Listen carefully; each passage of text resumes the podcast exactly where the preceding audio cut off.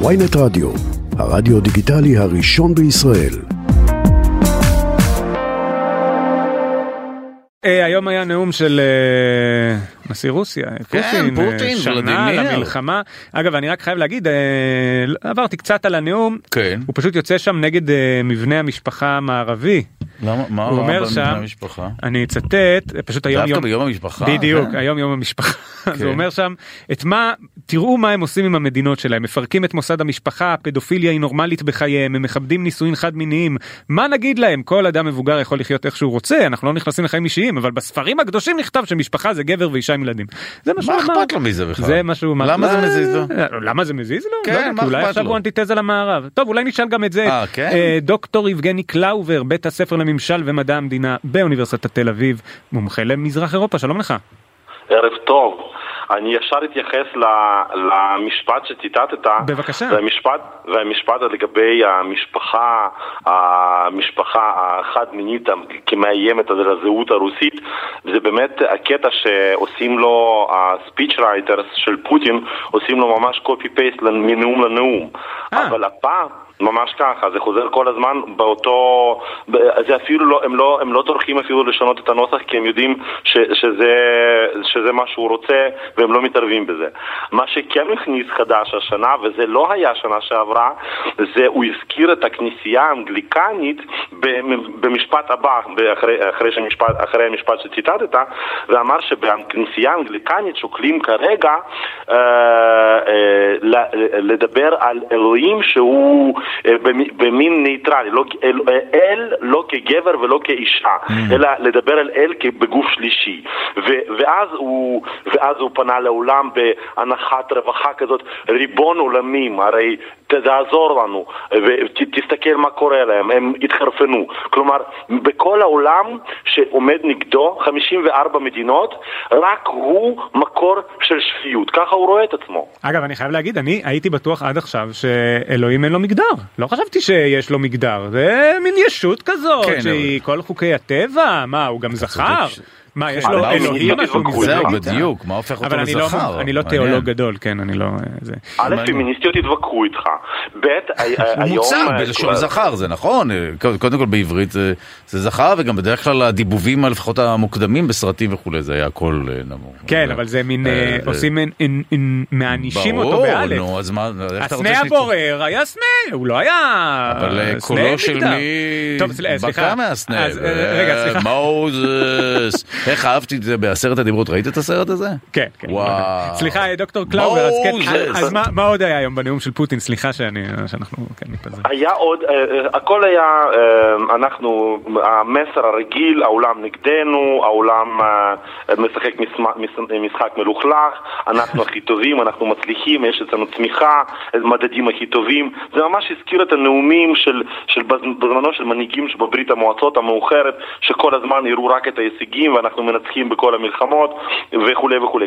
אבל כן, הוא, השת... הוא כן הביא אה, משפט אה, או ביטוי יותר נכון חדש, שפרשנים וגם אני שמתי לב, זה לא היה בשימוש בשנים האחרונות, הוא דיבר על קלפים מסומנים. מה זה קלפים מסומנים? זה לא בדיוק לשון דיפלומטית, זה לשון של, אפשר להגיד, כלא, כי בכלא משחקים משחק לא הוגן עם קלפים מסומנים, זאת אומרת זה משחק לא הוגן. אה, במשחק לא הוגן, הרי אפשר להבין, אה, לחשוב על מצבו הפסיכולוגי שהוא כן. מאוד מאוד בעייתי, אתה יודע, אחרי 20, אתם יודעים, אחרי 23 שנה בשלטון ו- וכשהוא סופג מהסביבה המיידית שלו רק מחמאות כמה שהוא גאון וכמה שהוא מביא את, ה- מביא את רוסיה למקום טוב אה, ו- ואף אחד לא יעיר לו על זה. אבל זה ביטוי ששייך לעולם התחתון. אבל, אבל בפיו של פוטין זה לא ביטוי ראשון. אז אה, על זה הייתי שם לב. כלומר, שם ו- לב בגלל שהוא אומר שזה משחק לא הוגן, כלומר גם אנחנו נשתמש בצעדים לא הוגנים אם ככה משחקים איתנו? הוא נותן, הוא מנסה להצדיק קודם כל לעצמו את המלחמה.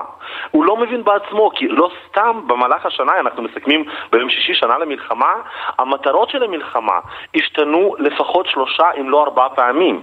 הוא יצא עם רצון עם לכבוש את קייב ולהפיל את המשטר בשלושה ימים, אחרי זה הוא עשה דנציפיקציה, אחרי זה הוא עשה הגנה על, על זכויות של, של עמים רוסיים בדונייצק ולוגנסק, ככה הוא הצהיר, זאת מטרת הלחימה.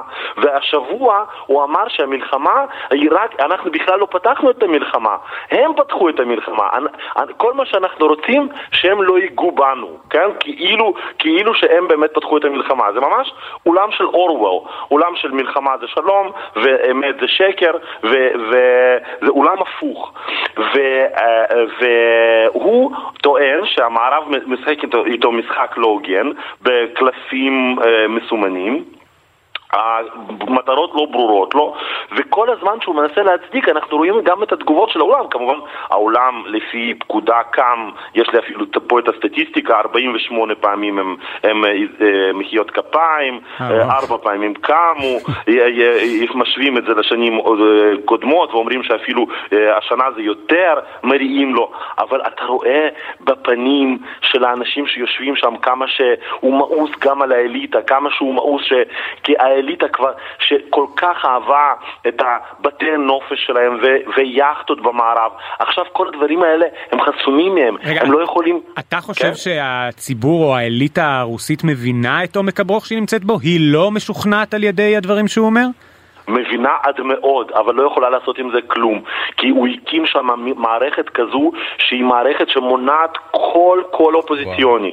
כל אופוזיציון, אין, נבלני נמצא בכלא מזמן, והאופוזיציונרים שיש להם איזשהו משקל פוליטי הם נמצאים בגולה, והאליטה הפוליטית היא משחקת את המשחק. הם יודעים שפעם בשנה הם צריכים לבוא ולעשות מחיאות כפיים 48 פעם, הם יודעים שזה משחק בשביל המצלמות, הם יודעים יודעים שזה הכל, הרי גם בסטודיואים של, של אה, פרופוגנדה הרוסית, בכלל למחיאות כפיים יש שם רמזורים, כמו שיש לנו רמזורים בכבישים, רמזורים, מתי צריך למחות כפיים, נדלק אור ירוק, אוקיי, צוף לכפיים, אור אדום, ככה, ככה זה עובד שם, זה לא, זה לא שהם מריעים לו כפיים בגלל שהם תומכים בו או שהם סומכים עליו, כל התמיכה הזאת בן לילה ברוסיה יכולה להפוך לשנאה, כמו שזה קרה עם גורבצ'וב, כמו שזה קרה עם המנהיגים האחרים, שבן לילה, גם, גם, אה, גם אה, לא, לא להזכיר להיסטוריה הרוסית של צאר,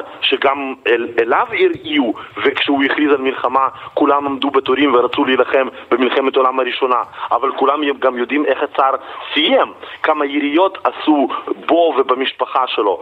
הדת הקהל ודת האליטה היא מאוד מאוד נזילה, וזה כל זה בגלל, כל השירותיות הזאת היא בגלל שאין פרוצדורות תקינות של דמוקרטיה.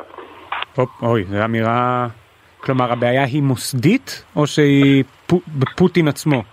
הוא יצר, אם אנחנו מסתכלים על זה מבחינה מוס, מוסדית, הוא, אין, ב, ב, אם אתה מסתכל על ארה"ב או על ישראל אפילו, עם כל הבעיות של, של הרפורמה המשפטית, יש איזונים ובלמים, יש מוסדות שונים. כן. בארצות הברית, מי שאחראי על מדיניות החוץ זה לא ביידן, זה גם ביידן, כן. אבל יש גם כל הסנאט, ויש גם כל הקונגרס, ויש גם כל הבתי משפט.